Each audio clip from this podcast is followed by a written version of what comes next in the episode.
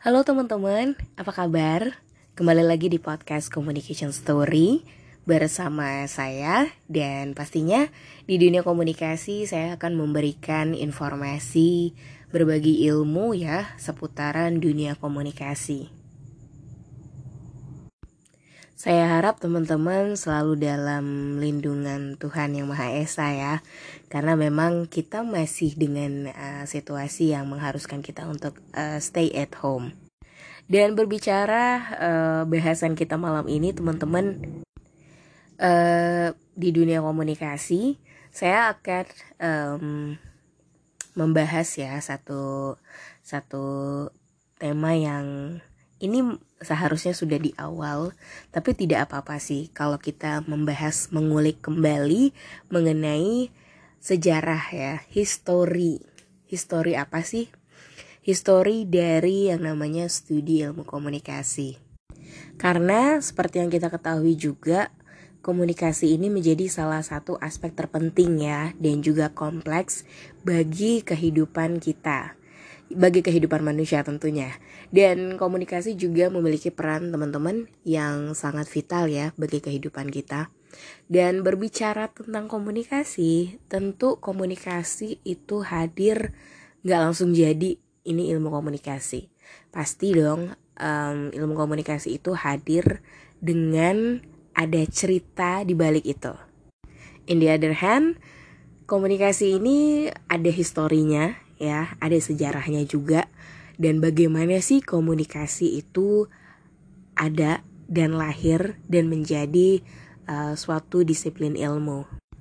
Komunikasi awal mulanya memang hanya uh, satu upaya ya teman-teman ya atau cara di mana pada saat itu manusia ya masyarakat itu menyampaikan ide gagasan yang memang uh, hanya melalui uh, mulut atau lisan ya. Dan uh, memang pada waktu itu juga komunikasi uh, tidak di, terlalu dianggap sesuatu yang yang harus diperhatikan ya. Tapi di abad kelima itu sebelum masehi di zaman Yunani itu berkembanglah suatu ilmu teman-teman yang mengkaji proses pernyataan antar manusia atau yang diberi nama retorika dan retorika ini merupakan salah satu seni pidato ya dan berargumentasi.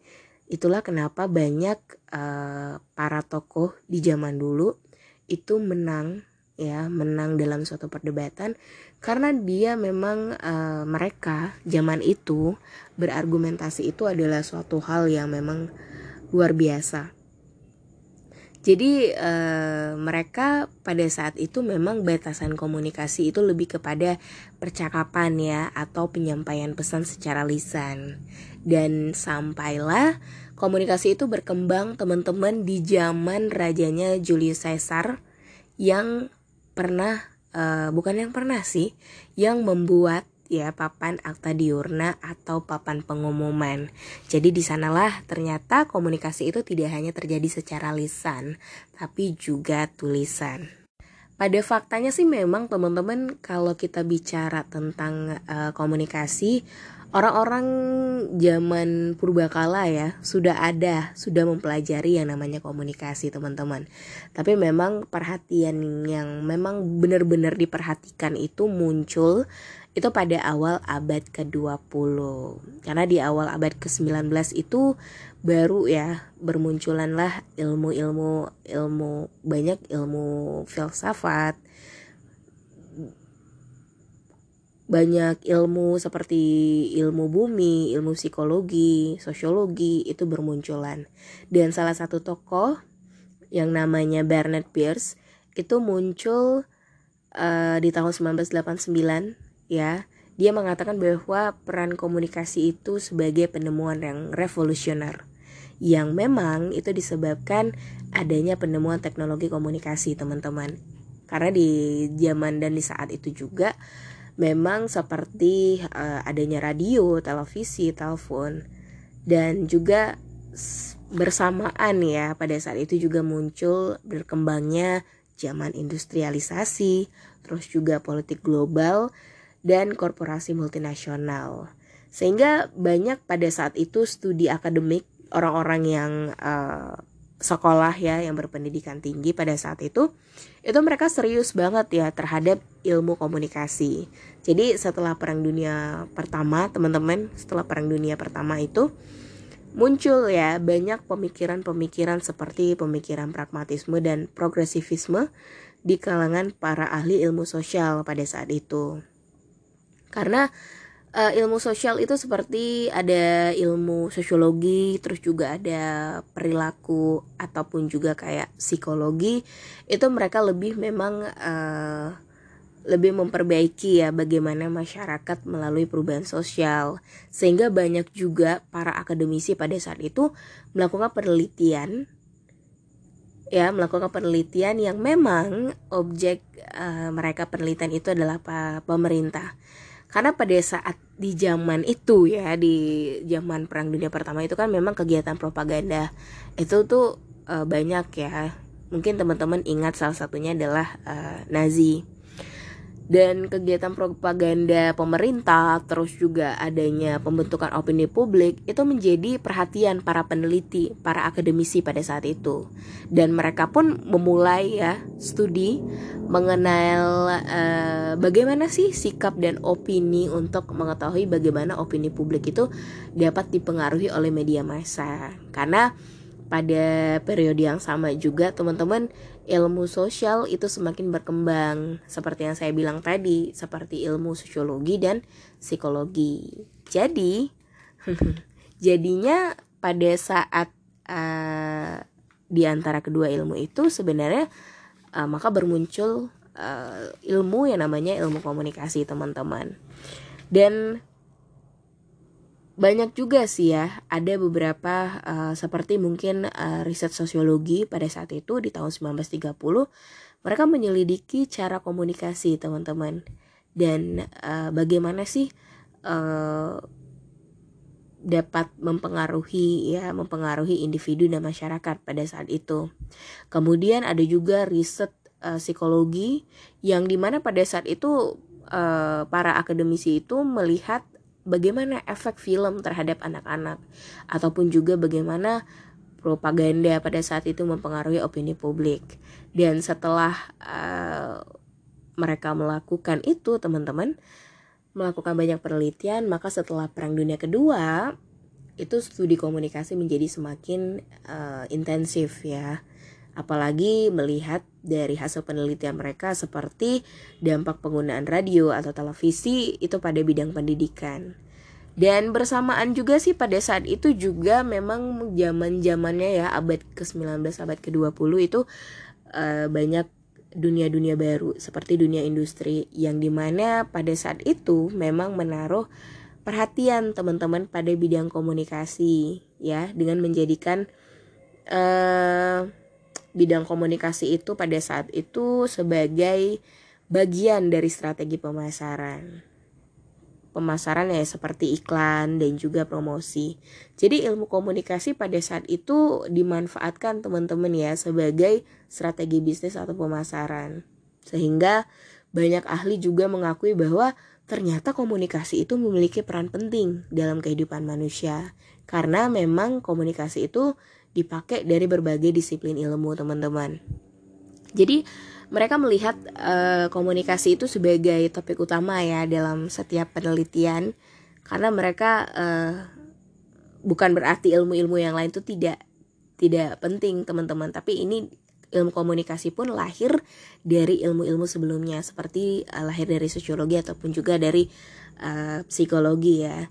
Sehingga uh, perhatian inilah yang membuat uh, banyak ya di beberapa bidang masing-masing itu mengenalkan ilmu komunikasi teman-teman sebagai salah satu disiplin ilmu yang uh, berdiri sendiri. Jadi setelah Perang Dunia Kedua, ini ilmu komunikasi diakui ya sebagai ilmu pengetahuan dan menjadi ilmu disiplin uh, bidang ilmu tersendiri apalagi dalam mengkaji fenomena komunikasi ya dan pendekatan yang digunakan pun pada saat itu setelah perang dunia kedua itu ada dua macam Yang pertama lebih uh, ada yang melakukan pendekatan secara kuantitatif. Itu biasanya penelitian komunikasi dengan pendekatan kuantitatif itu di Amerika Serikat, teman-teman. Dan juga ada penelitian komunikasi dengan pendekatan kualitatif ya, baik itu di Eropa. Nah, memang banyak ya teman-teman ya dari rentetan dari historinya sendiri ilmu komunikasi itu hadir. Memang ada sejarahnya dan faktor-faktor yang mempengaruhi uh, perkembangan ilmu komunikasi sampai sekarang itu. Yang paling utama adalah adanya perang dunia pertama dan kedua ya yang memang pada saat itu juga mendorong praktik propaganda dan uh, tokoh yang terkenal yang menerapkan praktik propaganda itu Nazi teman-teman. Jadi teman-teman tahu ya sehingga ilmu komunikasi yang berkembang itu pada saat itu adalah propaganda terlebih dahulu. Uh, yang memang disamakan dengan retorika teman-teman. Atau seni berbicara depan publik. Dan pada saat itu juga faktor yang mempengaruhi perkembangan ilmu komunikasi itu Departemen Perang Amerika teman-teman itu ternyata ikut memfasilitasi, memfasilitasi ya pengembangan ilmu komunikasi. Sehingga Departemen Perang Amerika pada saat itu mereka telah membuat sebuah penelitian ya. Sebuah penelitian yang di mana teman-teman e, mereka melakukan penelitian tentang perubahan sikap ya dan juga teknik komunikasi persuasif. Dan salah satunya tokoh dalam peneliti ini yang juga pada saat itu ikut wajib militer di Amerika itu adalah Hovland. Dan dia yang melaksanakan kajian yang berkaitan dengan perubahan sikap pada saat itu. Nah, selain faktor adanya perang dunia satu atau dua, teman-teman, berkembangnya dunia penyiaran itu juga menjadi salah satu faktor ya kenapa studi komunikasi itu menjadi ilmu uh, disiplin tersendiri. Karena di tahun 1950 juga dunia penyiaran, TV dan radio itu memang mengalami pertumbuhan dan perkembangan yang pesat. Sehingga kondisi ini berpengaruh terhadap kajian ilmu komunikasi teman-teman khususnya yang berhubungan dengan dampak penggunaan media. Setelah itu ada juga era pembangunan di media baru ya. Karena setelah Perang Dunia Kedua itu ternyata banyak negara itu tumbuh dan melakukan pembangunan. Sehingga komunikasi itu juga ternyata teman-teman mengambil andil dalam pembangunan. Oleh sebab itu mengapa ada ya, ada uh, salah satu uh, kategori komunikasi komunikasi pembangunan. Dan uh, memang ini memiliki arti tersendiri dan menjadi salah satu faktor berkembangnya ilmu komunikasi. Maka di Indonesia sendiri pun teman-teman studi komunikasi pembangunan itu juga menjadi perhatian utama ya pada Orde Baru. Dan dua lagi nih teman-teman yang pasti menjadi faktor yang mempengaruhi perkembangan ilmu komunikasi tentunya dengan adanya perkembangan media baru ya. Mungkin bisa lihat teman-teman di internet sekarang banyak sekali ya dan itu e, menjadi salah satu perhatian juga ya karena banyak sekali berita yang ternyata efeknya penggunaan media baru ini efek benar-benar ke pengguna. Um, juga ada teman-teman relasi kuasa ya yang ternyata menjadi salah satu faktor berkembangnya ilmu komunikasi itu karena kalau kita bicara tentang relasi kuasa itu tidak terlepas dari uh, adanya relasi kuasa baik dari ilmuwan dan juga relasi kuasa di masyarakat. Jadi mereka itu ada satu ada hubungan ya. Sehingga itulah kenapa uh, disiplin ilmu komunikasi itu hadir teman-teman yang memang sudah ada dan sudah sejak zaman purbakala. Thank you, terima kasih untuk podcast communication kita untuk episode hari ini. Dan kita bakal ketemu di next episode. Saya pamit. Bye bye.